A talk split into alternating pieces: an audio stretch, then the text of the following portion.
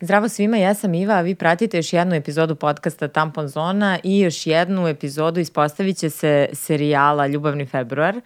Uh, a, kada sam snimala epizodu za Dan zaljubljenih, mislila sam da to bude jedna epizoda, ali a, vaši komentari, kao i to sve što ste mi pisali, govorilo mi je da ovo stvarno zaslužuje a, više epizoda. A, ljubav je zapravo svuda i viđamo je svuda i u pop kulturi i u medijima i jako je komercijalizovana, ali mi se čini nekako da nedostaje priče o njoj na pravi način. Ljubav definitivno nije samo reč i o tome e, ću danas pričati sa svojim sagovornicama, a to su e, Đuđe Timotijević, ona je psihološkinja koja se bavi psihoterapijom i psihoterapeutkinja Ana Perović.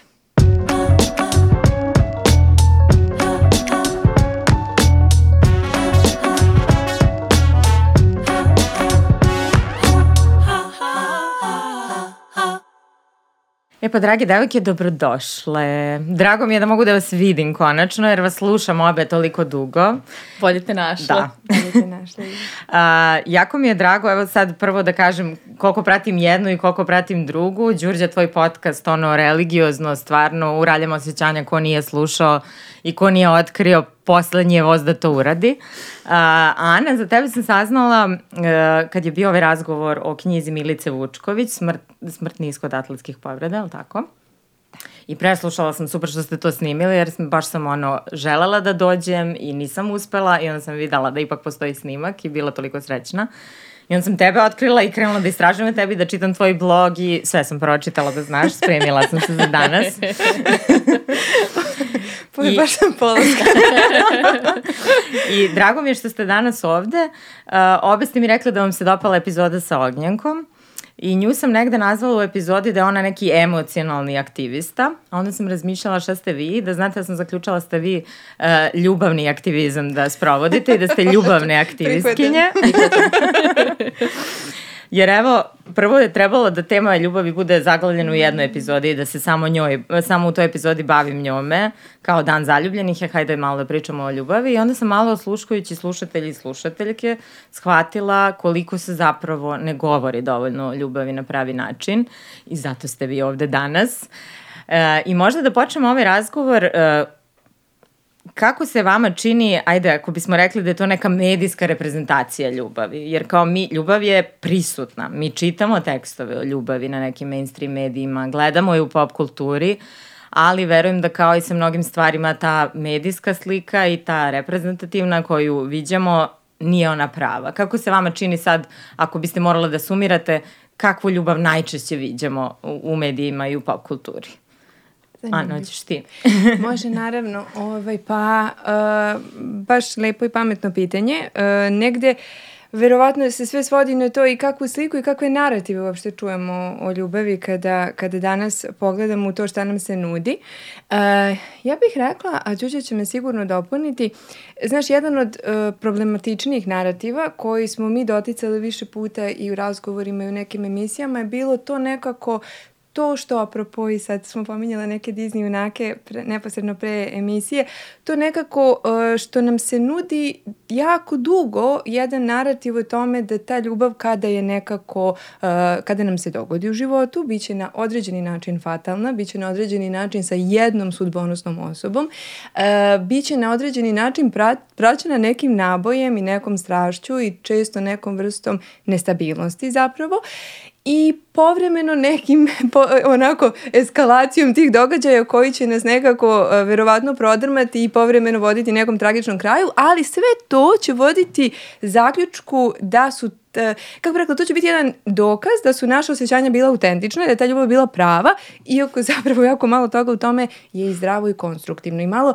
toga u tome zapravo nam govori o ljubavi, više nam govori o proigravanju različitih psiholoških i, i odbrana i, i hajde sad da, da ne idemo u previše psiholoških termina, ali različitih naših obrazaca vezanosti. E sad, e, mi smo na mnogo načina i u razgovorima privatnim i ovako kada smo u raljama pričale, pokušavala da malo otpakujemo šta sve tu ima od tema, pa su neke od tema koje smo uh, raspakovale bile ok, šta ćemo sa tim da nam se taj heteronormativan uh, neki narativ o tome da je ta jedna monogamija uh, jedini oblik jel, kojem svi treba da težimo, da ta, ta monogamna veza koja je ekskluzivna treba da ima određene korake, da je ona uspešna samo ukoliko traje do kraja života, ne daj Bože da imamo određeni raskid, razvod ili prosto da se u tome neki prekidi događaju, sve je to dokaz nekog poraza, pa sad to bi bila jedna linija.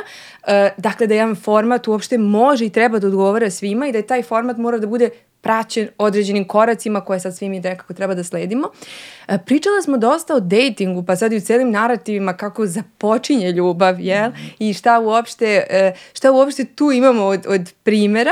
E, često imamo danas jedan moment nekako da možda ne treba tako da se zadovoljimo lako s onim što nam je tu blizu, možda tamo negde ima nešto bolje, nešto više i to ćete često čuti od ljudi u većim gradovima, naročito, mada ne samo u većim gradovima, kao ne, obilje jedno, pa mhm. sad kako se zadovoljiti i možda ostati uvek malo otvoren za to da ima tamo nešto bolje, što nas zapravo često sprečava da budemo u potpunosti prisutni u sadašnjem iskustvu. Pa sad do toga, jel, a šta to znači strast, je to nužno e, izostanak emotivne bezbednosti. Pa su to, eto, tako bih ja nekako navela neke od tih narativa koje smo doticali i, i koje ja mislim da treba preispitivati. To, to je baš dobra reč da si rekla preispitivati, jer dosta kad govorimo o ljubavi zahtevamo neke egzaktne odgovore. I to ima veze da. sa tom fatalnošću i sa tim konačnim da i nekom pravom ljubavlju. Znaš, da kao, sve, sve mi se čini da svi tragamo da nam neko kaže da li je ovo velika istina ili je ono velika istina, a mislim da je suština u tom preispitivanju i nekom istraživačkom putu zapravo u ljubavi možda. Pa što, i zapravo, kao što uvek kažem kad pričam o ovoj temi nekako i danas, verovatno, vredi otvoriti time. ne, nemamo odgovore. Baš sam htjela sam da otvorim time, tako da hvala ti što si to rekla. Da. Nećete dobiti odgovore, jako mi je žao, ali možda imamo neka konstruktivnija pitanja koja zapravo mogu da nas povedu baš u tom smeru da nekako osetimo, ej, ovo je istraživanje, ovo je proces u kome se ja razvijam, saznajem nešto o sebi, svaki moj odnos može nekako da bude sam po sebi jedan razvojni proces i za mene i tu osobu i za mene i za tu osobu. Ili ne mora da bude, ali ako se pitam i tragam za nekim možda konstruktivnim uglovima gledanja i ako nemam taj fiksirani ono mindset, jel, sad, ću, ov, sad ću ovime dokazati jesi ti ta ili ta, nego možda gledam, šta ovde ima za mene i šta ja i ova osoba možemo zajedno da kreiramo. Možda će mi biti konstruktivnije bilo da to, da zaista ostanem u tom odnosu ili će mi možda makar taj neki relacioni kapacitet malo proširiti za neke buduće odnose. Ja? Da, da. Uh, Đurđe, hoćeš ti da dodaš nešto za medijsku sliku ljubavi? Pa, e, evo sad baš razmišljam i to nekako, stvarno ovo što Ana jeste pričala, to jeste neki mainstream mm. od Disneya do Hollywooda. Je. E sad, ono što je sreća, što i u umetnosti, mada ja stvarno ono već dugo živim ispod kamena, tako da ne, ne mogu da tvrdim šta se danas dešava, ovaj, ali, ali mislim da je nekako super je da je uvek i postoji neki izbor i u autorskom filmu i u nekakvoj muzici koja je alternativna i meni je, na primjer, mnogo preslatko je ovo mladi neki momci i to dva boys benda iz Pančeva i ovaj, mm -hmm. Butch Cassidy i Ljubičice. Evo, ja sam skoro nešto slušala njihove tekstove, ovaj, spotove koji su super, ovaj, i tekstovi koji govore o emocijama. Ima neke mlade muškarce koji pričaju o emocijama i meni to bilo... Moramo da pomenimo i Stray Doga, pošto je Marko iz benda Stay Dog. je, ali da, oni su kao već, ja sam kao, ali, ove malo novije da, ali da moram, I oni su pre Butch Cassidy, ako ćemo i Ljubičice počeli. Apsolutno, da, da, da, da. Tako da, super je nekako da možemo to i da, i da biramo.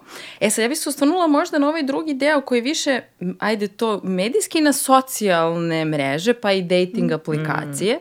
I u stvari nadovezala se samo na ovo što Ana već lepo objasnila. Mislim da je stvarno ta, ta ideja sad, to što nam... Uh, um, da, nam, da nas socijalne mreže i dating aplikacije uvode u nekakvu vrstu stvarno zablude da je nebo granica. Mm. I da imamo ceo život da, to, da, da istražujemo mm. i da uvek treba da se pitamo da li smo dovoljno zadovoljni, da li smo dovoljno zadovoljeni mm. i mislim da je to donekle malo teror tog konstantnog rada na sebi koji sad postoji. Znači, super je što smo otvorili priču o tome kako smo. I nikad te priče nije nije dovoljno. Ali stvarno postoji sad neka ideja da treba da budemo nekakva optimalna verzija sebe. I onda to dolazi sad i mesto za kapitalizam i za konzumerizam. I nekako mislim stvarno da nam se uvuko ono u tanjire, u ljubavne živote, u krevete i da to, to utiče na nas. Mislim, nekako i to kad pogledamo kako izgledaju i naši profili na Instagramima, Facebooku i ostalo, i mi sebe tu nekako brendiramo i postavljamo kao neki proizvod i plašim se da to, i to je Ana već rekla, ali da stvarno nekako to čini da doživljavamo i te naše ljubavi i odnose kao kao proizvode, kao nešto kao mi treba da- produkt, da, da, koje što mi zaslužujemo. Jest. Jeste. Nešto što mi zaslužujemo, što nam pripada i samo treba da vidimo gde ćemo da kupimo i da nađemo najbolje. I to po mogućnosti na akciji. Znači, ako može da se što manje trudimo. Da. Nekako da što vi... manje damo da, zapravo, da, da, da samo da, uzimamo. Da. I mislim da to, eto, uh, ako, možda, eto ono što je meni zanimljivo, uh, aktuelno, uh, nemam toliko uvid sad u umetnost, mm. ali ajde, ovaj deo koji mogu da ispratim, plašim se da to jeste jedan od efekata. Mislim, koji je opasan. Zato što, e, što je Ognjenka lepo rekla, kako je rekla, tek kad se nađeš u toj neprijatnoj bliskosti, bliskosti da. ljubav počinje da se gradi. E, znači, a imamo, plašim se, svi mi ponekad se zanesemo, pa mislimo da nas ta ljubav u stvari čeka samo negde da je A vrlo kupimo. brzo i nekako perfidno se to utka u tebe, da, jer da. kao iz jedne ideologije koja je kao pozitivna i uh, uh, reklamira nešto što je dobro. Sloboda izbora, da, emancipacija, da. Da, da kao da. lični razvoj, da. ne znam, postizanje najboljeg se, najbolje verzije sebe i mm. tako dalje. Dođemo na kraju da nam opet se nešto prodaje i uvaljuje ili ne znam ja šta. I sad, mislim, ovo se neće um, pretvoriti u ličnu moju seansu, ali malo da iskoristim kad smo već tu. Ma zašto da ne? ovaj, ja sam uhvatila sebe da kad dođem sa posla, i kao čeka me partner kod kuće i u fazonu sam, hoću da me pita kako je bilo, hoću da me, hoću od njega paket nekih mm. usluga, a da ja sedim i da čekam i da čekiram da li je sve uradio. A uopšte, znaš, ne postavljam pitanje da li sam ja njega nešto pitala, da, kakav je on sastanak imao važan neki na poslu ili ne znam ja šta, nego sve neki samo testovi, samo testiraš nekog, da li te je dovoljno uh, zaslužan, da li je dovoljno dobra verzija za tebe i tako dalje. Ovaj, I sve to baš zbog to, te, tog reklamiranja da kao u sebe, naj... Stvarno treba da ulažemo dosta u sebe, ali ako pričam već u ljubavi o zajednici, uh, negde se to zajedništvo gubi, čini mi se. Ja bih dodala, e, baš se nadovezujem na ovo što ste obe rekle, znaš, sa jedne strane imaš e, ceo moment datinga koji stvarno jeste neka vrsta, ti gotovo da govoriš ono u ekonomskim terminima, znaš, šta mi se mm. isplati, gde mi se investicija, ono, znaš, koji je deal breaker, mislim, kad smo koristili taj rečnik za dating. A s druge strane, imaš ovaj moment sa društvenim mrežama gde je od cepljen jedan kropovan, jedan deo realnosti a, koji je, su oni momenti kako smo se često šalile, znaš, koju ćemo sliku i svi smo krivi u tome ovaj, staviti na taj Instagram. Pa verovatno neću onu kad sam se sa partnerom posvađala i ono nismo razgovarali dva sata i on sede u drugoj sobi, a ja vamo, nego ću onu kad smo se nakon toga pomirili i bili jel, u nekoj, kako god, sreći i radosti. Lepo za koga god da ima takav trenutak da ovekoveči, ali e, e, odcepljuje se jedan deo realnosti koji je neminovan e, e, i ne možemo, ga, ne možemo život e, lišiti tog dela realnosti. I sad ti imaš e, neku vrstu ideala koji zapravo, kome niko od nas nije dorastao jer jeste ideal, a s druge strane imaš ono, ovu ekonomiju i ti sad kao kre, težiš nekom idealu koji je apsolutno nedostižan u ono nekim terminima koji zapravo su malo dehumanizovani, pa prilično smo izgubljeni svi. I nema, ja mislim, nikoga ko nije u nekoj meri osetio to i na svojoj koži. Baš to što kažeš, nekako se preispitao, čekaj, čekaj, je li ovo dovoljno dobro, znaš? Je li ovaj partner, je li ovaj mhm. život? I lepo je da se preispitujemo, ali mislim da je tolerisanje uh, i tih pitanja, pa i nekih frustracija i toga, dobro, hajde da dopustim sebi da preispitujem, ali da ono, nekud stoje malo ta pitanja i naravno ako mi se javlja svakog dana pitanje je to taj odnos, jasno je da treba da ozbiljno mm. promislim o tome, ali ako mi se povremeno javi, možda dolazi iz neke potrebe koju mogu da unesem u taj odnos. Mogu da kažem partneru, ej, baš bi volala da me sad, da malo me poneguješ nekako, mm. ja umorna sam i istrpljena sam, znam da ti nije u opisu radnog mesta, da kad ti se javim za 5% ono snage ovaj, koju nemam za tebe, inače u ovom trenutku, nego hoću svu sebi da dam da me i ti malo poneguješ, ali baš je bilo lepo. Ali to je okej okay reći potpuno, mislim i usmeriti negde, ne, niko od nas nije ono čitač misli Tako i stvarno, Tako. i to je neka vrsta rada na kraju krajeva, da. koji, mislim, ja stvarno ljubav pre svega smatram nekom vrstom rada. Mukotrpnim. e sad spomenula si raskide i ono, to, to, to mi je zanimljivo što u poslednje vreme čini mi se malo zdravije priča i popularišu se i ti raskidi i razvodi. Mislim, razvodi da. su nekad bili, mislim, ja dolazim iz malog grada, tamo je to bilo, kao sad kad pričam kako se tada pred ne znam, 20 godina percipirao razvod, neko bi pomislio da smo ono došli iz srednjeg veka i sela ovde pravo. Ali sada počevo da evo Miley Cyrus i ne znam Shakira. Jo, bože, da videla sam neki mim. Ne znam da li ste videla sa stojom. Pa videla. Pa sam ti poslala sam ti. Kako žene na Balkanu. Umri. Da, umri. Miley Cyrus kupa sebi sveća stoja, umri. uh, ali nekako su otvorenije priča. Da, to ste transgeneracijske traume. Uh, jel se vama čini da se malo populariše kao nešto zdravo razvod i raskid, mm. što stvarno, mislim, može da, da bude i jeste? Pa, pa ja se nadam nekako mm. da, se, da se manje vidi kao poraz. Apropo toga, razumem te, meni su se roditelji razveli i ja mislim da sam ja prvih par meseci kad su se razveli, bila sam dete, govorila razveli su mi se roditelji. Znaš, mm. kao šta se desilo, mislim, ono, čija je to tačno sramota, ja? Ali imam utisak da je dugo bila i sad, uh, Pazi, ako ti je uh, dijada uh, organizovana kao ono što smo govorili, socijalno preduzeće, brake, znaš, tu da namirimo sve potrebe, mi zapravo i bavimo se dosta egzistencijalnim pitanjima, što nam je tradicionalno stvarno ta tema u ovom regionu. Mi stvarno, kad taj, taj, taj tandem, jel se, se nekako, ajmo reći, rastane, uh, to je veliki poraz u egzistencijalnom smislu, su ljudi morali da navigiraju okolnosti i znamo da mnogi nisu mogli da se razvedu, žene nisu mogli da se razvedu jako često, budući da im nisu bile dostupni i resursi i neke vrste društvenih pozicija i moći i tako dalje. A ja se nekako nadam da danas malo više dovodimo to u pitanje, e, pa u onom smislu u kom sam već rekla, ja ne mislim da je i, i to mislim da je jedno od dogmatičnih uverenja da je trajanje odnosa dokaz njegovog kvaliteta. E, dokaz njegovog kvaliteta je obostrano zadovoljstvo, jel, koje je relativno dovoljno dobro većinu vremena za obe strane, koliko god da to traje. I e, trajalo to par godina, trajalo to pola životnog veka, e, dok god to imamo, jel, to nekako nam govori o kvalitetu odnosa i to je vrlo subjektivno konstruisano, ti ljudi znaju da li su u kvalitetnom odnosu ili ne, a, a, a ne njegovo trajanje. Ako do, se dogovorimo da je to dokle smo došli, a, prosto ono, ono dokle smo mogli da stignemo kao par, pa to je jedna vrlo poštena pozicija i meni je bilo, apropo evo priča u medijima, ali ovaj, um, ne mogu da verujem da ću njih citirati, ali stvarno, bože, ovaj Bill Gates... ja mogla stojim. Pa dobro, da, bože. Ove, neki dan sam citirala Shakiru na svojoj seansi. Mislim, to je, pomislila sam, moj terapeut ima 70 godina, pomislila sam, izvinite. Ove, ali...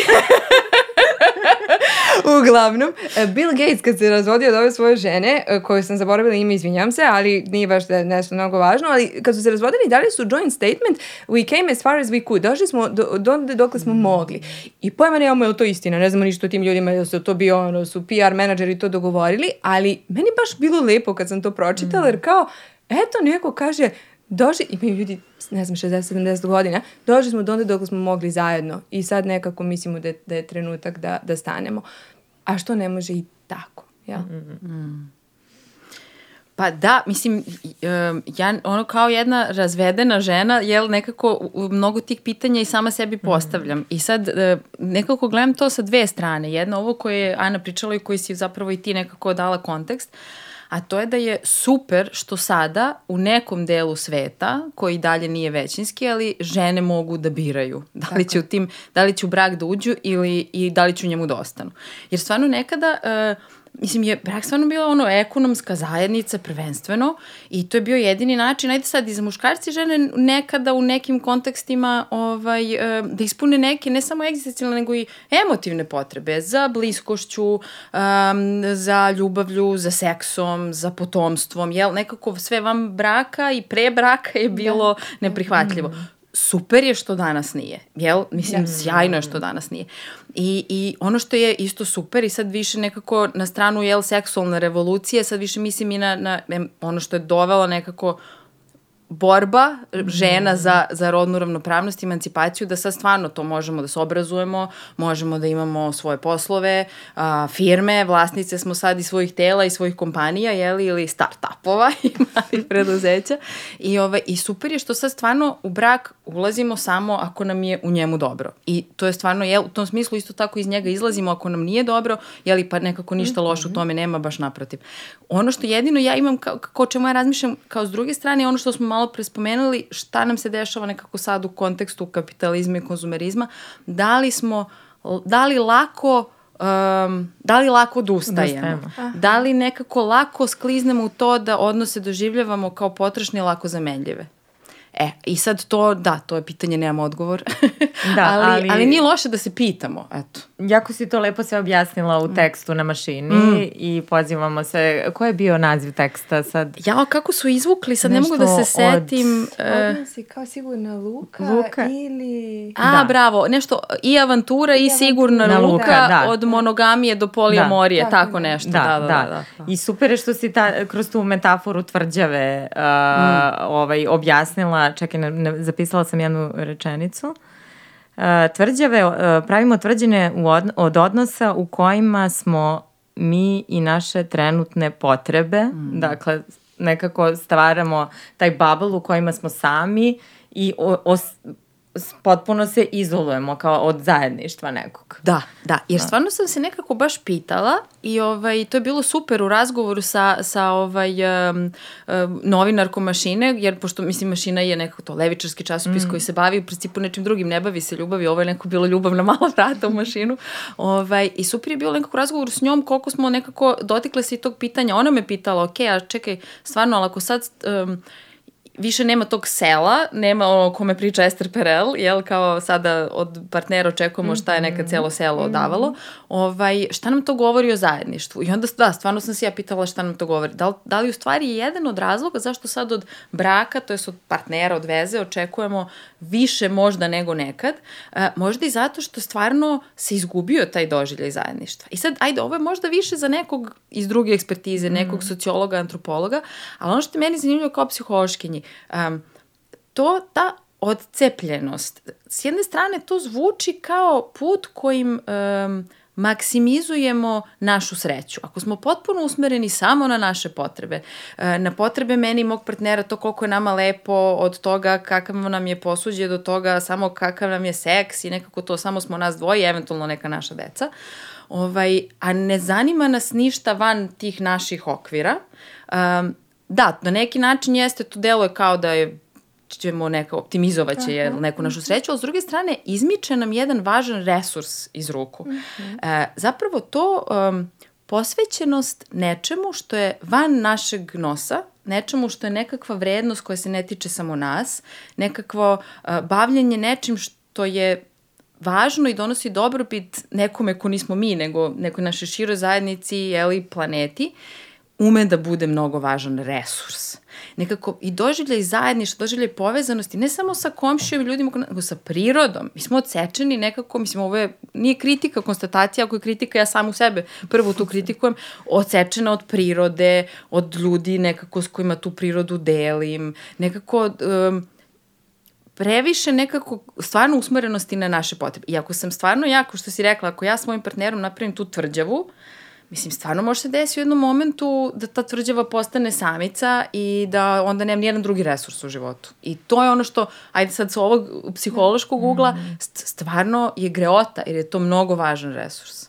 Jeste i lepo što si to pomenula jer to što se dešava dakle ne reflektuje se samo na ljubavni odnos jer je, to je bukvalno odnos nas prema nečemu drugom. Tako je. Koji tako. se troši. Prema planeti, mi kao da i mm, zaboravljamo da, da tu planetu treba nekom da ostavimo. I neretko u radu sa parovima uh, moram ili ajmo reći želim da ih podsjetim ovde smo da radimo na nečemu što je gde ima mesta za vas, ali je veći od vas. Jer je odnos veći od jedinke i nekada nam možda svima treba podsjetnik na to da uh, koliko god da, znaš, imamo sad uh, nekako ta, ta nežnost prema sebi, ljubav prema sebi, davanje sebi prostora, sve super, divno, uči, učiti da ponegujemo sebe, ali ne po cenu uh, toga da zaboravimo da se nekada dajemo u uh, kontekst zajednice, bilo dijade, bilo veće zajednice, što ti kažeš, uopšte kontekste uh, u krajnjoj liniji neke ciljeve koji su veći od nas samih, jer je nekako zanimljivo je da moramo da podsjećamo uh, i sami sebe i ljude mm. na to koliko je to važno, ali taj neki deo jedne vrste zdrave skromnosti, ja mislim da je užasno, užasno mm. važan za, i on nije, uh, nije nauštrb toga da ja zaslužujem da brinem o sebi. To mi razvija jednu, jedan kapacitet da nekako učestvujem i investiram se i dajem se ne po cenu sebe, ali baš da se dajem u nešto veće od sebe. A ja mislim da nam je to neophodno i za relacione kapacitete kad pričamo o ljubavi, jer mi gradimo nešto veće od nas. A da, i ne mora da znači ako ćeš da se posvetiš nečemu ili nekome da ti od sebe oduzimaš neko parče, nego se nadgrađuješ. Tako je, ali evo kad smo kod nasleđa, izvini, samo ću kratko još reći, kako je to zanimljivo, ja mislim da je nama u regionu e, ljubav e, i samožrtvovanje su često nekako išli ruku mm, pod ruku. I ja mislim da mi sada, kad ovdje, znači, ni pošto ne želimo da izjednačimo ljubav i samo žrtvovanje, mm. uh, uh, ići kroz život sa idejom da svaki put treba da platim cenu koju ne želim da platim u odnosima je, je ne, znači mm -hmm. to je tema za terapiju, ali uh, uh, paralelno uh, učiti da nekako mogu da pregovaram, uh, ako je već ono relacija u pitanju, da, se ne, da tu negde postoji prostor iza mene, a da mogu nekada da proširim svoj kapacitet da volim tako tako što ću dati i nešto možda što u tom trenutku ne bi baš najviše volao ili volala da dam. E, e, naravno, jasno je da je to sad lako reći, a teže nekad u praksi učiniti, ali ja mislim da su neke čak i male stvari kojima pokušamo nekako da, da taj kapacitet za ljubav malo proširujemo, a da e, to ne ide na uštreb nas samih, jedna konst, ono, doživotna vežba. Mm -hmm. Uh, mislim da, kao što smo sad pomenuli to oko razvoda, da, da, da, da se više govori, da se govori na pravi način o tome, uh, često viđam sada da se toksična veza je postao termin koji svi znaju šta znači. Gaslighting je postao termin koji svi znaju. Red flags, ono, crvene zastavice, toksične veze. I mislim, ja bih volila da sam sve to znala ono mnogo ranije, a ne sad sa ono 34. Uh, i vidim i među mladima da, da dolazi do njih taj sadržaj i te definicije, bukvalno to su školske neke definicije -hmm. koje mladi danas stvarno mogu da pokupe na raznim nekim mestima. Uh, evo, to mislim da je važno. Mislim da je važno da to, da znamo da, da prepoznamo takve stvari. Yes. Osim ovog kapaciteta za ljubav, da. da. Sad, raspričala sam sad pa ću, da će čvrđe prostora, ali ovaj, ponevom. Ovaj, e, apropo ovoga što, što kažeš, da, e, sad, e, zna Đurđa, ni ja ni ona nismo veliki ljubitelji toga to, toksično, ali je... Zašto? Hoću da čujem. Evo sad ću. ovaj, dobro, ovaj, pa, uh, uh, hajde ja kad to čujem, on zamišljam da mi neko sipo otrovu nešto i konačno da me ono... E, Eba, baš zato, super. Da? Eto. Jeste. Um, Ja nisam fan zato što mislim da se, um, ja uvek nekako volim da kažem treba da imamo u životu prostor za uh, uh, nekako, uh, uh, hajmo reći, prostor u kome prepoznajemo i smo oprezni, vežbamo svoj oprez i prepoznajemo rizike, ali takođe nekako uh, ono što je moj problem, Đuđa će do, dodati možda na to svoj, je da ako krenemo uh, niz tu uh, liniju, tamo negde postoje tamo neki ljudi koji su jako toksični, ako vam mm -hmm. oni uđu u život, zaštitite se kako znate umete. Ma naravno da postoje, znači mm -hmm. niko od nas ne, ne, ne sumnja u to, ali uh, stavlja nas malo u jednu poziciju uh, najmnih žrtava koje tako mm -hmm. idu, ništa ne rade, mm -hmm. ništa tu nije do naših izbora, nego se tako nama desi neka osoba i tako da i tako da. Sad, jedno mnogo, mnogo važno pitanje i to su mi postavili kad smo pričali o knjizi uh, Milice Vučković, ja volim da kažem, uh, svakom od nas može da se dogodi, da počnemo da se povezujemo sa osobom koja se ispostavi toksično. Mm -hmm. Znači, šta to znači? Osoba koja nije zainteresovana s nama gradi jedan bezbedan, emotivno emotivno, psihološki, pa da ne govorim fizički i seksualno bezbedan odnos, apsolutno, samo što češće, češće nekako počne od toga da psihološki nije bezbedan, pa onda do, dolazimo do svih tih drugih slojeva. Osoba koja nije zainteresovana za to, može da se dogodi svima nama. Jel, možemo da se dogodi u prijateljskom odnosu, kolegijalnom, šef, eh, partner i tako dalje, tako dalje. E, naravno da e, ne, ne, ne postoji nikakav način da mi e, sebe sačuvamo od susreta s takvim ljudima. Ono što može da nas razlikuje, e, da razlikuje osobu koja prosto ima malo ili manji ili veći kapacitet da se pobrine za sebe, jeste u, u vreme u kome ćemo mi ostati u takvom odnosu. Jel? Koliko dugo ćemo mi o, i šta ćemo prosto uraditi da sebe zaštitimo. Ali e, ja mislim i zato dosta često i pričam i pišem o tome da e, nam ta toksičnost oduzima jednu dozu agensnosti, odgovornosti i moći koja je u tome i da to prepoznamo i da se zapitamo izađemo. i da izađemo, a i da se zapitamo a šta sam tačno jako kreirala sa ovom osobom u tom trenutku da možda evo mesec, dva, tri, šest nisam ili uspeo ili uspela da vidim da ovde nije bezbedno mesto. Koji to deo mene ima problem da to prepozna ili koji to deo mene, od kog to dela mene se ja nekako otuđim pa normalizujem, pa da, ta patnja, to što plaćam svaki drugi, treći dan i tako da i tako da. Je li mi to poznato? Jasno je da ja sad ovde u tri rečenice ne mogu ja da sumiram terapijski proces takvog tipa, ali to polje agensnosti je toliko važno i ja mislim da je priča o emotivnoj bezbednosti za mene mnogo značajnija nego uh, da negde samo tamo etiketiramo red flagove, a mm. mislim da je i to važno. Samo nekako vratiti sebi agensnost da ne idemo kroz prosto život misleći da to svak može da nam se desi, pa što uopšte da pokušavam da se povežem, što uopšte da dejtujem kad znam koliko ima mm -hmm. ovakvih ili onakvih ljudi i tako dalje. Zapravo uvek zagovaram to u našim rukama jeste da učimo da prepoznajemo takve ljude i odnose, da učimo da se zaštitimo i da razumevamo šta nas je tačno vodilo tome.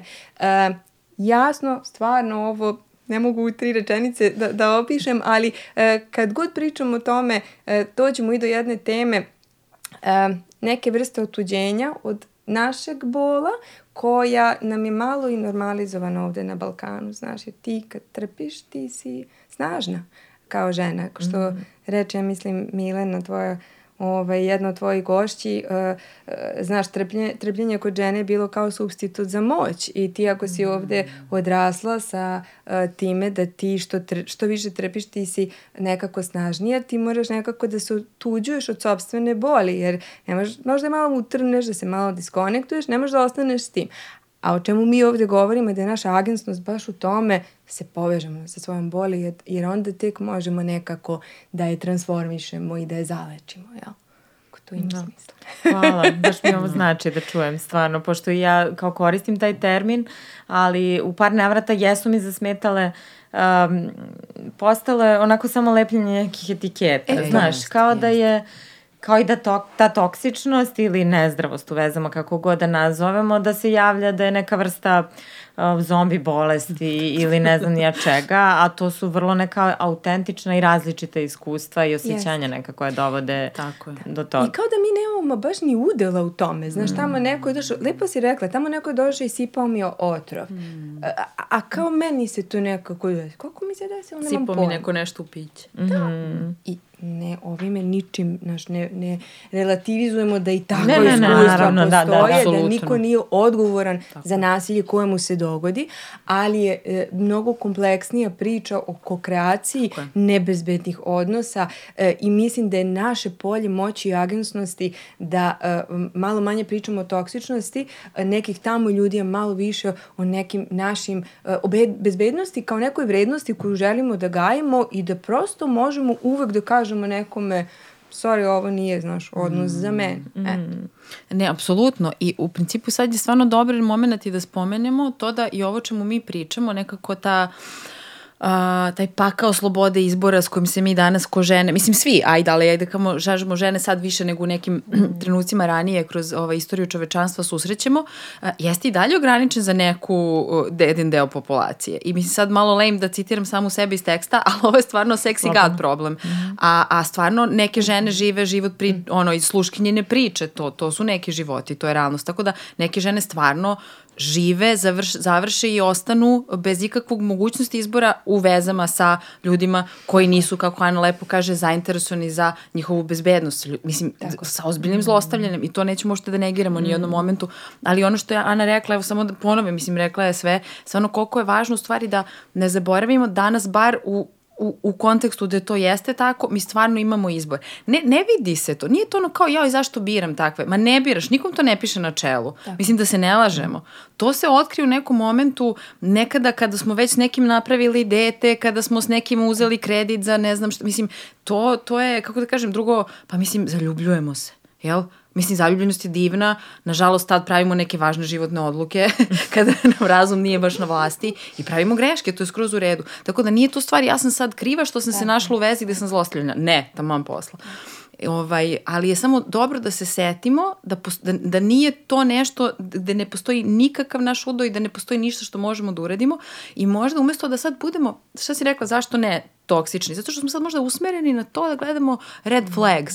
Ko su sad neki opasni ljudi? A u stvari je dovoljno samo da slušamo stomak. Kako je meni ovde? Se ovde osjećam safe. Ako nije, možda mogu da se izmaknem pa ne znam, neke i lepi, i šarmantan i pametan, neke ono, ali ako meni ovde stoma kaže da nešto tu nije, pa možda treba da razmislim. E, i to je ona odgovornost u stvari o kojoj Ana, o kojoj Ana priča.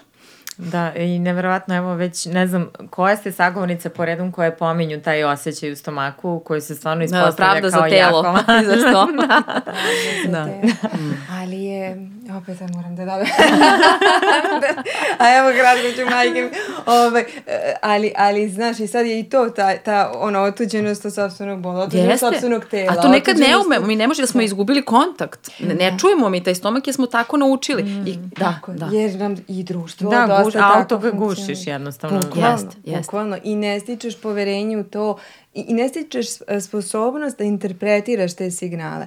Ono što je e, kratko rečeno, telo nam uvek govori kako smo u sada i ovde i to je jako važna baza informacija, ali nam je često ako smo imali naročito neka traumatska iskustva, stvarno potrebna terapijska pomoć da naučimo da, to, da tome verujemo i da to pravilno interpretiramo. I to je, e, sećam se, mislim da sam tebi rekla kad me jedna klinikinja davno pitala, ovaj primjer koji smem da podelim, ovaj da da li postoji neka baza upitnika koju ona može da nosi na svoje dejtove, znaš. I kaže da ja njemu lepo zadam, da mi vidimo s čim imamo posla. Prošao ili ne. I ja se smejem i kaže, mislim, postoji baterija Stvarno upitnika, postoji. pa sad ja mogu da je napravim, ali...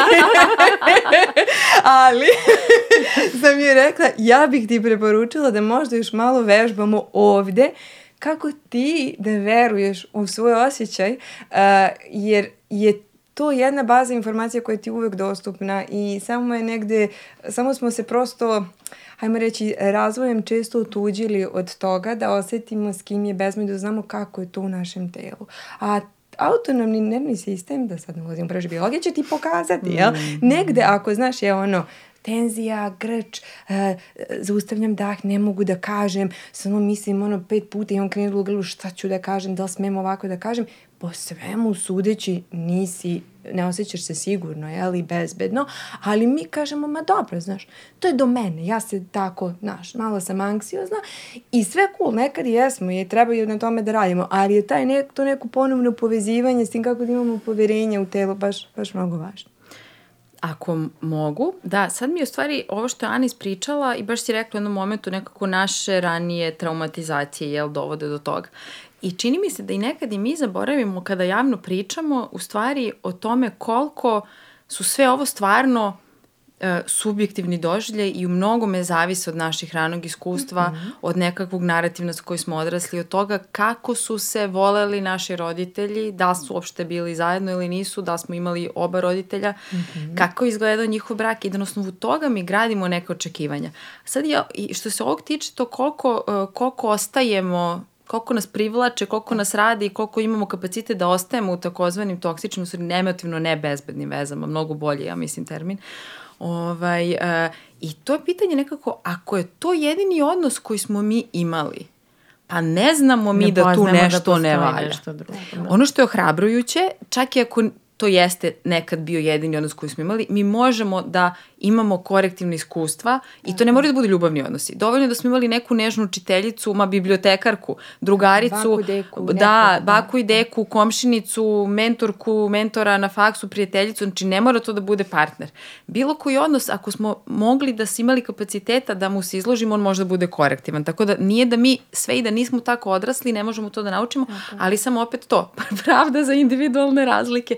U smislu stvarno nije nam svima jednako lako ni da prepoznamo kada odnos nije bezbedan, ni da iz njega izađemo. Mislim, to je stvarno jedna stvar. I sad bi samo da se osvrnem na ono sa čim smo počeli i to ni na doživljaj zajedništva i na tu ideju uh, da li je brak nešto što treba da traje, treba se raskinuti. I to mnogo zavisi od toga kako smo odrastali. Naravno. Nekako, jel? Znači, ako nismo, ako, ako smo odrastali uh, uz nekakvu sliku braka koji je izgledao kao zatvor, kao zlostavljanje, kao teror ili kao neka samica ili kao nešto, pa mislim, m, jeste stvarno, mislim, mi možemo da imamo nekakve ideje kako treba da bude, ali naše iskustvo nije dotle doseglo. Tako. I to isto, to isto ima mnogo veze sa tim nekako i šta ćemo birati. Tako da svi treba da poštujemo naša iskustva. I da se još jednom ponovimo, odgovore nemamo. Ako to nije bilo Ako jasno, sada nije jasno. odgovore ne. I apropo ovoga, evo majke mi samo još jednu stvar ću dodati, ovaj, e, e, kaže neki dan je neko meni na terapiji, na seansi, kaže, a da li je normalno, kaže, kaže klinikinja, meni googlala sam, da li je u redu nekada mrzeti svog partnera? I ja kažem, rekao, stvarno si googlala to? Kaže, da, googlala sam. Rekao, pa dobro. Šta kaže Google? Rekao, ako internet kaže da, onda verovatno da. onda se smeje i kaže, pa kaže da, kao stvarno je okej nekad da mrziti svog partnera. I sad se ja smijem, ali zapravo šta je, ovaj, da spomenem ovaj, da mi u, u, u torbi knjiga Melanije Klein Ljubav, mržnja, reparacija, ovaj, psihoanalitičarka jedna koja e, između ostalog e, e, vredi stvarno, apropo ovoga reći, priča o tome i naš kapacitet za ljubav i naš kapacitet i, i ta, ta mesta u koja odlazimo, koja su nam kako kažu u današnjem datingu deal breakeri, odnosno koja su nam e, nepodnošljiva, su toliko individualno obojena e, onime što je nama u iskustvu, onome što je naš okvir, onome što je nama tolerabilno i onome što nije. E, ne možemo da iz iskustva ljubavi e, i voljenja nekoga e, odcepimo to da ćemo ponekad želeti da je na nekoj drugoj planeti ili da je ona negde jako, jako daleko od nas, da će nivoj naše frustracije e, verovatno imati veze sa tim mestima na kojima smo bili frustrirani u detinstvu, to će biti mesta napuštena sam, nikada mi se, o, ni- nikada nije dovoljno, ne znam, brige, ljubavi ili evo opet se nije setio da je meni ovo nešto jako važno. Sva ta naša bolna mesta koja su vrlo ljudska. Znaš, i sad e, e, neka od tih mesta e, su jako nepodnošljiva za mnoge od nas i to nekako, to je vrlo ljudski i ja mislim da nam za to često treba e, prijateljska podrška ili terapeutska podrška ako su baš jako nepodnošljiva i vidimo ček, ček, ček, ali ovdje ima neko mesto na koje se ja vraćam, nema možda toliko veze ni sa mojim partnerom. Ali ono što želim da normalizujem je da ćemo imati takvo iskustvo. Znači, kao Google kaže da i mi kažemo da. e, imaćemo taj Okej, da iskustvo. mrzite pomalo. E, pa pomalo. Ovaj, ali, e, e, šalu na stranu, ali šta je, šta je ono nek, neka... E, šta ja mislim da je e, e, korak koji pravi veliku promenu? Iz toga, može li se nekako vratiti u reparaciju odnos i naš, naš kontakt i sa sobom i sa tom osobom? Znači, ta famozna reparacija e, koja nastaje nakon nekih konflikata, nesporazuma, razočarenja ili pak samo toga što sedim tiho u kraju sobe i kažem opet se nije svetio da mi skuva čaju, rekla sam 300.000 puta i, i dalje nema čaja i, i, i samo sam nekako mala i napuštena u tome, ali e, šalu na stranu, e, znaš, u takvim iskustvima, da li uspevamo, naravno to je i do naših individualnih kapaciteta, a ja mislim jako puno i do relacionih, da nekako iz toga malo izađemo u ponovno povezivanje. Ono što je do nas da probamo jeste da ako primećujemo takve ono bespomoćnosti, da kažemo, ok, ajmo sad 1, 2, 3, nismo više tu, ta bespomoćna deca, ta bespomoćna deca imaju svoje mesto, možemo možda nešto da probamo, pa da mi privirimo nekako u kontakt.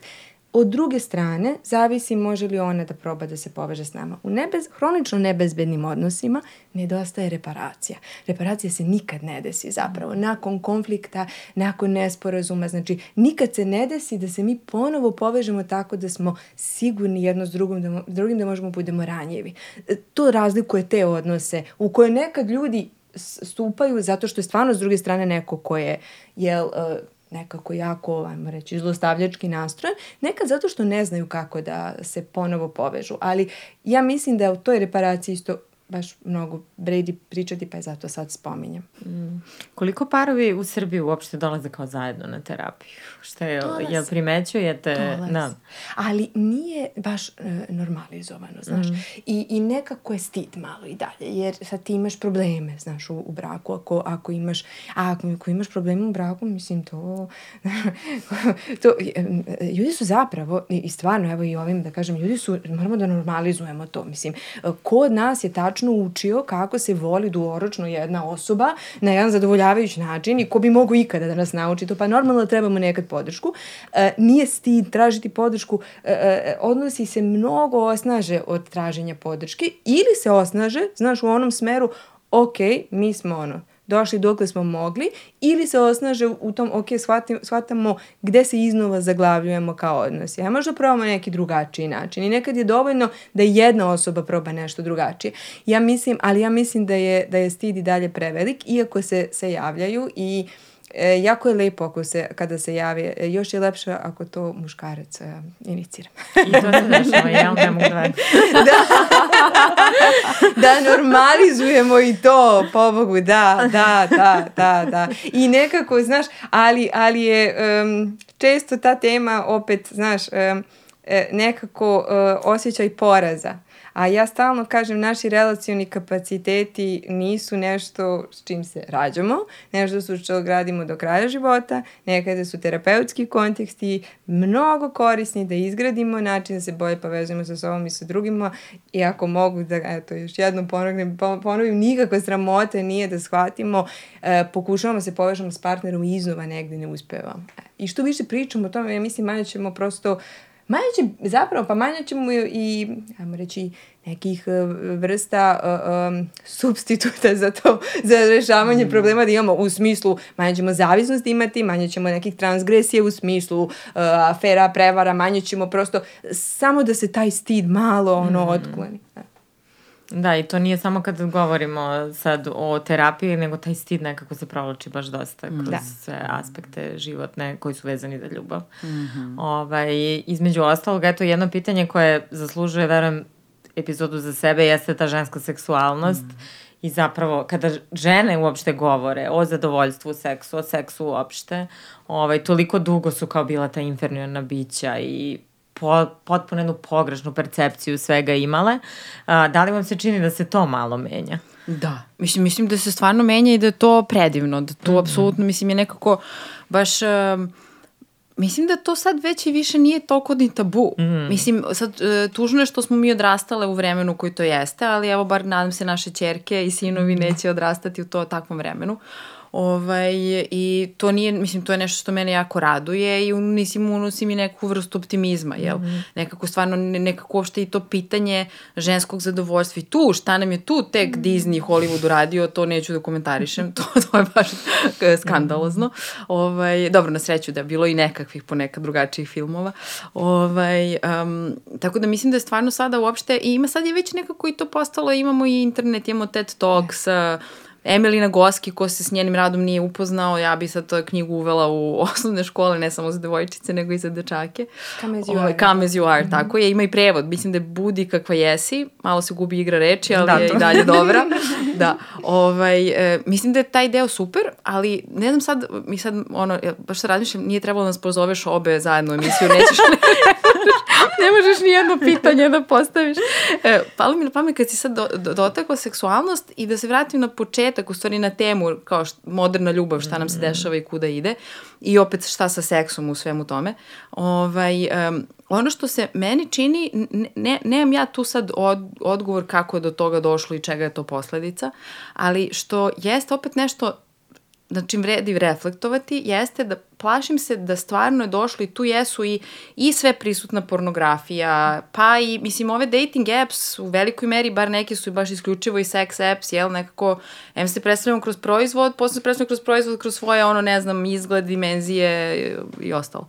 Ovaj, I to je jedna objektifikacija našeg tela, tu nekako te, nekako se jako čudno tu nešto dešava, mm -hmm. e, dolazi do objektifikacije, dolazi do disocijacije, mi tu neko disociramo jedan veliki aspekt iskustva. Mm -hmm. I tu već mislim da mogu da primetim koliko god da živim ispod kamera, da i u, i u, i u filmovima sada i u serijama nekako taj modern dating, taj nekako seks koji je oslobođen bilo kakve emotivne, bilo kakve ikakve razmene. To, su, to je neko potpuno, zapravo nešto što je nekakav inicijalno, ja bar verujem da je tako, mm -hmm. inicijalno uh, uh, uh, autentična želja za razmenom sa nekim drugim ljudskim bićem, mm -hmm. baš tim tu pored, nekako um, ume da sklizne u nekakvu potpuno, uh, kako bih rekla, dehumanizaciju, objektifikaciju, da se mi tu odrodimo od svojih emocija, mi smo sad tu samo naše telo,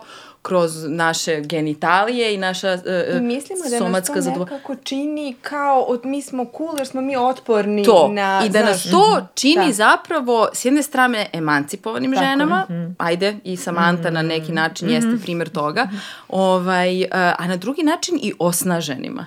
Jer mi možemo to kao super je da mi možemo to sad kao kres šeme, seks za jednu noć, sad nekog upoznam, ne znam ga, može odmah seks. Na... Čini nam se da je to neka vrsta i naše emancipacije, i naše snage, i naše rezilijentnosti. U stvari, super je da imamo izbor, naravno.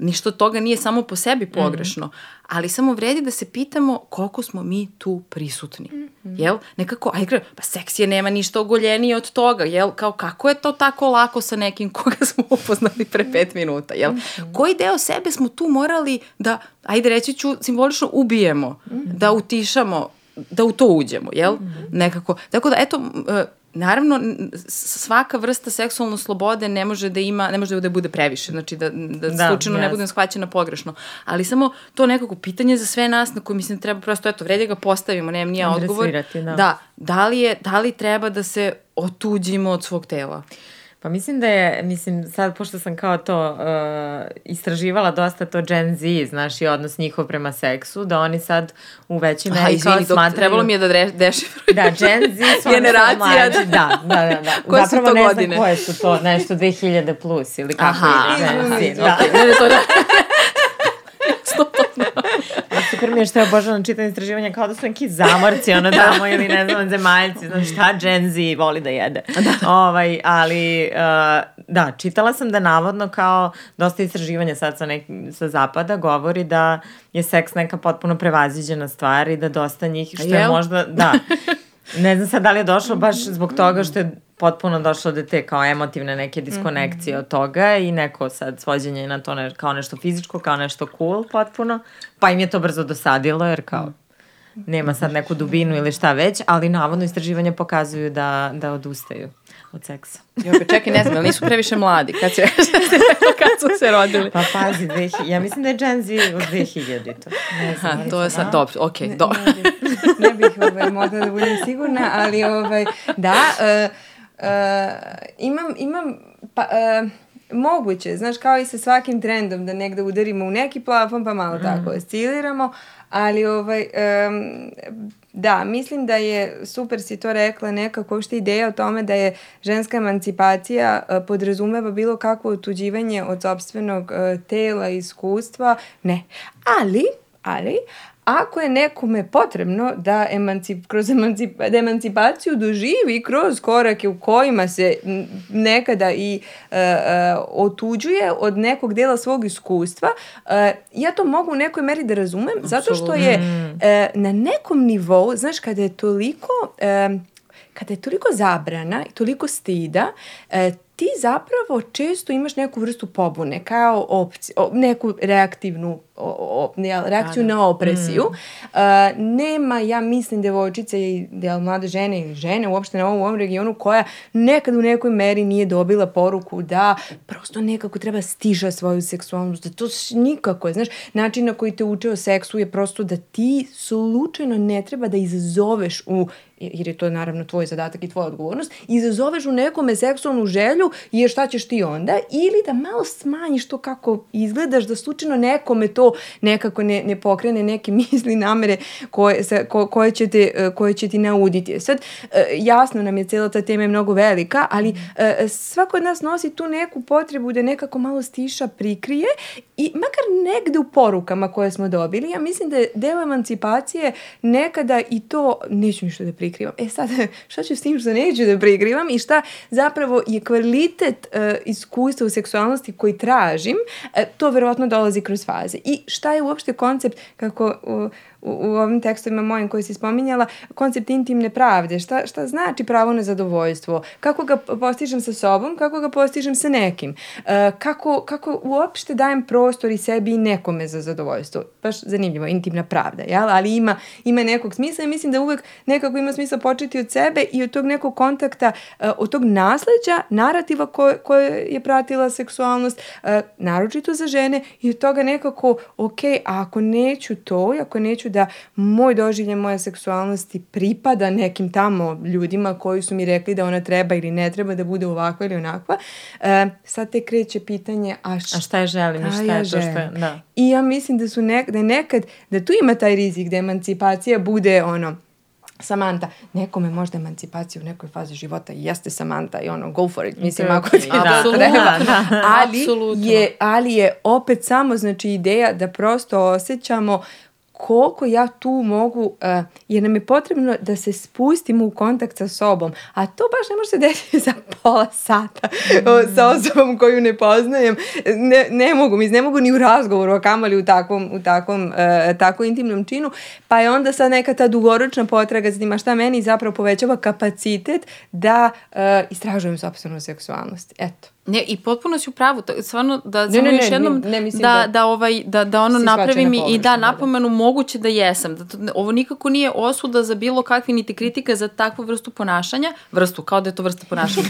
ne, znači, ne, niti, niti za, da, kao, sloboda za seks, sloboda za kres šeme, apsolutno. Samo ovaj, e, ono što je možda potencijalna i, i apsolutno e, sam sigurna da si u pravu kad kažeš da to za neke od nas jeste jeste način dolaska do emancipacije. Mm. E, jedino samo što se plašim da nas se kroz Da. Uh, sa, mainstream kulturu sada to ponekada nameće kao dream destination. Yes. I samo kažem, vredi se zapitati da li nam je dream destination mesto na kome smo otuđene od tela, otuđene od bliskosti tako. i otuđene od ranjivosti. A daleko tako. toga da nekad nam baš treba tako, to. Mislim, možda i godinama. I tako. to je da, okay. i to je u redu. Apsolutno. I, apsolutno mislim da, da, da, da, da, da je vrlo jasno. Hvala za tu, da, da kažeš. za taj dodatak. da, da. Ne, ali kad pogledamo ovako sve društveno šta se dešava, uh, ljubav kao takva čini mi se da je baš onako na nekom ono klizavom terenu sad čoveče šta se sve dešava i super što se dešava previše emancipacije mm -hmm. i svega, mislim to je mhm. stvarno pozitivna stvar ali kad pogledamo u stvarno kakvim, kojom brzinom se sve dešava i razvija, uh, baš je teško vratiti se nekoj srži, vratiti se kao da je ona postala, možda nije ni postala, ali tek je sad tražimo. Yes. Uh, ono što je meni zanimljivo jeste pop kulturu smo sad pominjali nekoliko puta i u nekom negativnom kontekstu što radi u pozitivnom, ali mi je super što ste se vi u vašem uh, razgovoru osvrnule na Scenes from Marriage, mm -hmm. je li tako? Mm -hmm. I više ima zapravo takvih serija i yes. mene su one zapravo bile jako plodonosne. Yes. I posle njih sam se osetila kao da sam bila na terapiji i baš su mi otvorile yes. neke, ne sad, postoje ljudi kojima su bile baš dosadne, mm -hmm. a meni je, na primer, to jako dragoceno bilo iskustvo gledanja i, i meni, ali opet, uh, znaš, ja mislim, apropo i ovoga što smo malo pre pričale, ja nekako ne mogu da se otmem pitanju a, koje kao nekako da je pitanje a, koje je meni nadređeno svemu ovome, znaš, zašta koristimo i dating aplikacije i o čemu nam govore i mediji i serije, da li nam pomaže da povećamo sobstveni relacioni kapacitet. E sad kao relacioni mm. kapacitet, kad psiholozi tako izmisle neki termin, šta to sad pa znači? E, da li mi po pomaže da... Neko komentarima će sigurno izgledati koliko puta smo rekli relacioni kapacitet. Ima par reči sigurno koje sam rekla više, više ovaj, desetina puta u ovoj epizodi. E, ovaj, unapred se izvinjam, a možda i ne treba se izvinjam jer kao relativni kapacitet.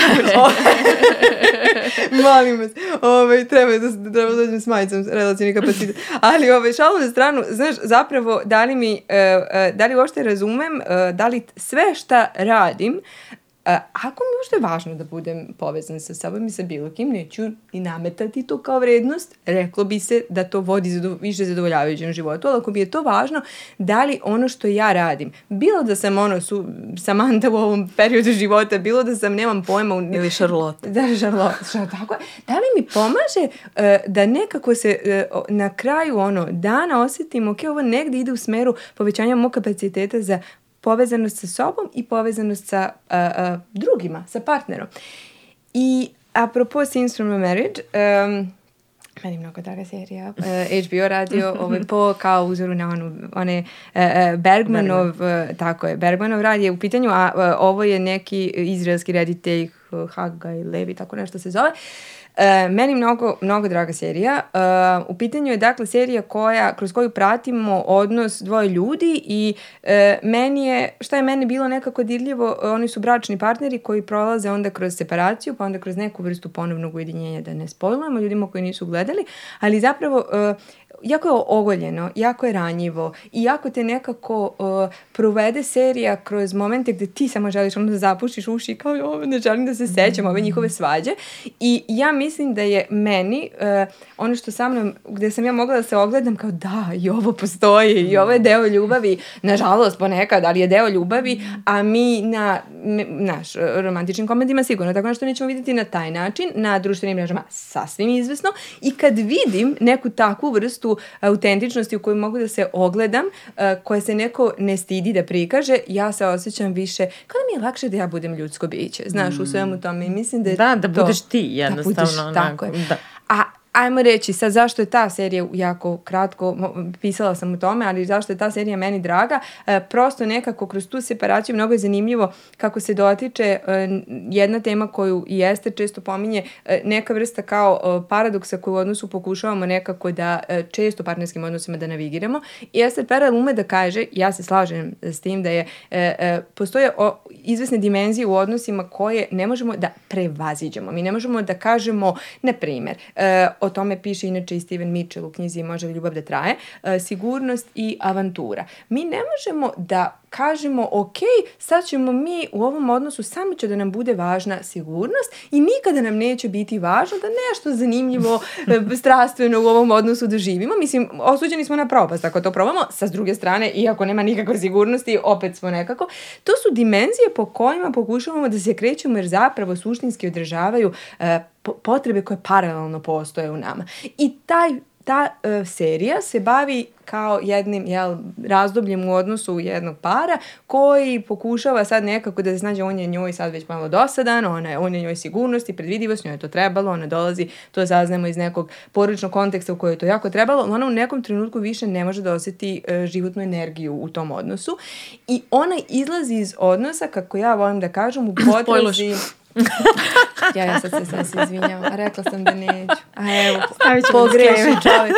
Ove, rekla sam da neću. Ovo, ovo sad ćemo ove, u montaži, molim Ove, ali, znači, ona radi nešto. Evo, pazi, ja, ja koja sam gledala seriju sam se ostala kao da je nisam gledala. Upoznam se šta će onda da bude. onda smo okej. Okay. Ove, onda uradi nešto što je zapravo e, pokušaj da se ona poveže sa e, delom sebe koji ugušila u tom odnosu, ali ona ne razume da je ona negde rešila ovaj čovek je sigurnost, ovaj čovek nema kapacitet za strast i ja sad moram da odem jer meni treba strast. A to je i može ljubav da traje super, dovodi to u pitanje kako mi to uh, svi nekako završimo često na tim mestima ovaj predvidivi partner, ništa. Kako se Nadam se da imate odgovor na ovo pitanje. pa imam, imam ideju. Ove, ovaj, dakle, kako sam se ikada zaljubila u ovu osobu, završavam je svaku rečenicu, vidi kakav je, ove, ovaj, i tako dalje, i tako dalje. A šta je zapravo? E, ideja je da mi svi imamo neku potrebu za svim u svom životu da ga učinimo nekako što poznati. Mi u toj poznatosti tragamo za nekom vrstom predvidivosti života i nekada potpuno nesvesno. Sad, može da se radi o tome da stvarno smo ono, na primjer kao ono, ja baš zanimljiv psihološki primjer, čini mi se da ona dolazi iz jedne porodice, tako nešto se ja mislim kaže, uh, koja je bila dosta turbulentna. Mogu da zamislim koliko je toj ženi partner koji je samo predvidiv i siguran, ono jedno razderećenje i šta ona nesvesno radi, ona njega zaista u svojoj glavi konstruiše tako. Sad ako ja dođem, znaš, u kontakt sa nekim uh, sa jednim vrstom, jednom vrstom pristrasnosti, a svi mi smo skloni pristrasnostima i anticipiram, pa da, evo, ovo je jedan siguran čovek, sada će se poda, ponašati kao siguran, pouzdan čovek, to je čovek koji radi sve predvidivo, sve sa njim nekako savršeno ja neću ni primetiti da je možda taj čovek nekada i, I uzbudljiv. uzbuđen e, ili uzbudljiv meni, zaigran, nekako spontan, jer je meni jako važno da u njemu vidim određene njegove karte. E, za to svi malo radimo. I šta kaže Steven Mitchell, e, što više mi sebi malo vraćamo to da čekaj, pa meni je poznat, meni je potrebno da zapravo tu, da stavim akcenat na predvidivost i pouzdanost i uh, poznatost uh, uh, svakom od nas, samim tim negde mi kao da malo lišavamo te ljude, nekih njegovih, njihovih kvaliteta koje zavolimo i sa kojima često gradimo uh, partnerske odnose, lišavamo ih uh, kvaliteta koji su na tra... Ko, koji zapravo nam govore da u toj osobi možda postoji nešto što mi nikad nismo istražili s njima. Ili možda postoji neka vrsta nepredvidivosti u njima. Ili možda postoji nešto što, ono, znaš, nije mi baš sasvim poznato. Ili nešto iz čega bi moglo da nastane nešto, ju bože da ne istražujem, znaš. Bolje, mislim, šalim se, ali znaš, da se mi držimo onoga što mi znamo, da ovaj odnos za mene jeste. Pa u tome negde uh, lišavamo sebe e, tog istraživanja e, šta sve taj odnos može da postane. Đurđe, jel tebi, jel imaš ti neki primer filma ili serije da ti je nešto se dopalo? E, pa sad razmišljam što je Ana, kako je rekla, meni draga serija, meni, mislim, genijalna je, odlična serija, brutalna, sam u zonu serije brutalna, mm. ko mene je destabilizovala dok sam je gledala. gledala dok sam imala COVID, to svakako ne preporučujem. I ne pred spavanje. ovaj, ne, serija je stvarno odlična, ali to baš zato što je tako ogoljena i zato što je stvarno onako in your face, mm. za one jako teške trenutke i, i koje svi želimo da izbegnemo i, što, yes. i, i kao lične doživlje i kao nešto što je, sa čim smo bili u iskustvu. Ali mi je super, evo, mislim, ova serija na HBO, Znači, nije baš da toliko, stvari se menju, nije, imamo yes. mi izbor. Mislim, imali smo, mm, yes. imamo ga i sad, jel? Pa, mislim, yes. čak i na HBO yes. i na Netflixu, jel, može da se nađe nešto što je drugačije, što nije yes. romantična komedija, što je super, mislim. A sad, i ovo kad si rekla nekako šta se dešava s ljubavlju, ovo što si rekla, mislim, ja sam dalje malo šokirana za ovoj manjak zainteresovanosti za seks među mladima, da, ovaj, uh, ali nekako, stvarno, potreba za ljubavlju je naša urođena potreba. To je, mislim, stvarno jako lepe, ovaj, um, na stranu i teorijskih koncepata, ali empirijskih studija vrlo ovaj, robustni su efekti toga da to potvrđuju. Znači, mi se s njom rađamo i s njom umiramo, ona neće zamreti, neće, nisu je ubili ni srednji vek, neće ubiti, kapiram, ni kapitalizam, ovaj, opstaće ona. Mislim, ja stvarno neko mislim da je toliko upakovane u neke proizvode. pa, Kupovat ćemo je na trafici. Pa, šalim se, šalim se. ja sam za ljubav. Ili ćemo je sami praviti, jel, kad dođe do, ko, kad dođe do lockdowna, moramo sami, jel, ne možemo do prodavnice. E, šalu na stranu. Nekako je stvarno mislim da e, postoji stvarno neki teret vreme našeg sadašnjeg trenutka, kao što smo pričali. Da. I taj konzumerizam i dating apps i sad ta ideja da je nebo granica i mislim nekako m, sve prisutnost pornografije utiču u velikoj meri, sve to stoji. Ali ono što mislim da se ne menja i što će uvijek biti isto, jeste da je stvarno taj ljubavni odnos, ja verujem, najkomplikovanija stvar na svetu. Mora nekada da bude teška, nekad će nositi sa sobom i doživljaj usamljenosti, neshvaćenosti, mm -hmm. puno frustracije mm -hmm. i kako si rekla, povećamo relacijani kapacitet, da povećamo i kapacitet za podnošenje i usamljenosti u tim našim odnosima. Mm. Mislim da, jel, nekada bežeći od usamljenosti odemo uh, u odnosu, odemo u, u drugi ekstrem koji opet nekako vodi na isto mesto. Ovaj, tako da ja se za ljubav ne brinem. U, to je lep zaključak za kraj, stvarno. Šta bi ona ima odgovor. Za kraj, ona ima odgovor. Ja, ne, ove, šalim se. Uh, šta bih rekla za kraj? Kakva je budućnost ljubavi? Da. Kao ovako, ovaj, usputno je to da prokomentarišem. Ovaj, Pa ja mislim da je, um, dakle, ako nije bilo dovoljno jasno, na našem relacionom kapacitetu ovaj, šalim se. Ali, ali se i ne šalim, jer mislim da je um, ja bih nekako uh, uh, rekla u onoj meri u kojoj mi negujemo e, stvarno naš kapacitet da volimo i e, obe ste mame, ja nisam, znate kako to može da bude izazovno Oh, u yes. svakoj pa i u roditeljskoj ulozi.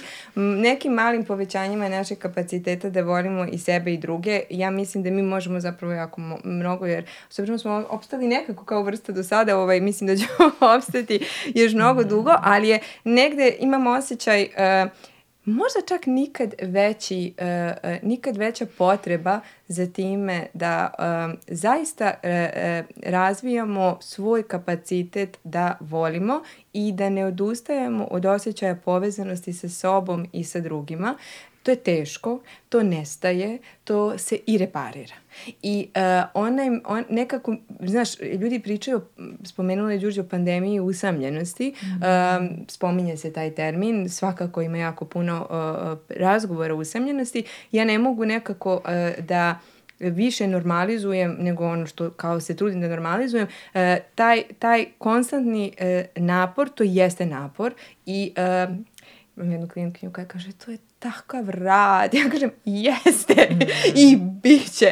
Ali ovaj stvarno e, e, ima nagrade koje ja mislim da, da, da kada je nekako, e, ka, svaki put kada je dosegnemo, baš mislim da treba da zapamtimo kako je kad se trudimo se povežemo sa sobom i da dobijemo neku nagradu i trudimo se da gajimo nekako kapacitet da se povežemo s drugim i stvarno osjetimo baš smo se povezali, to, to je mnogo važno i bez toga ja mislim da je usamljenost zapravo posledica i otuđenja od sebe samih nekada, to je najgora vrsta otuđenja, da nekako zanemarim svoje potrebe, da zapravo da, da budem nekako, da budem u kontaktu i da budem u kontaktu koji mi prija i da sve više biram kontakt koji mi prija. Eto, pa bih ja s tim završila e, e, da normalizujemo, to nije trajno stanje, kao što sreća nije trajno stanje, tako ni povezanost nije trajno stanje.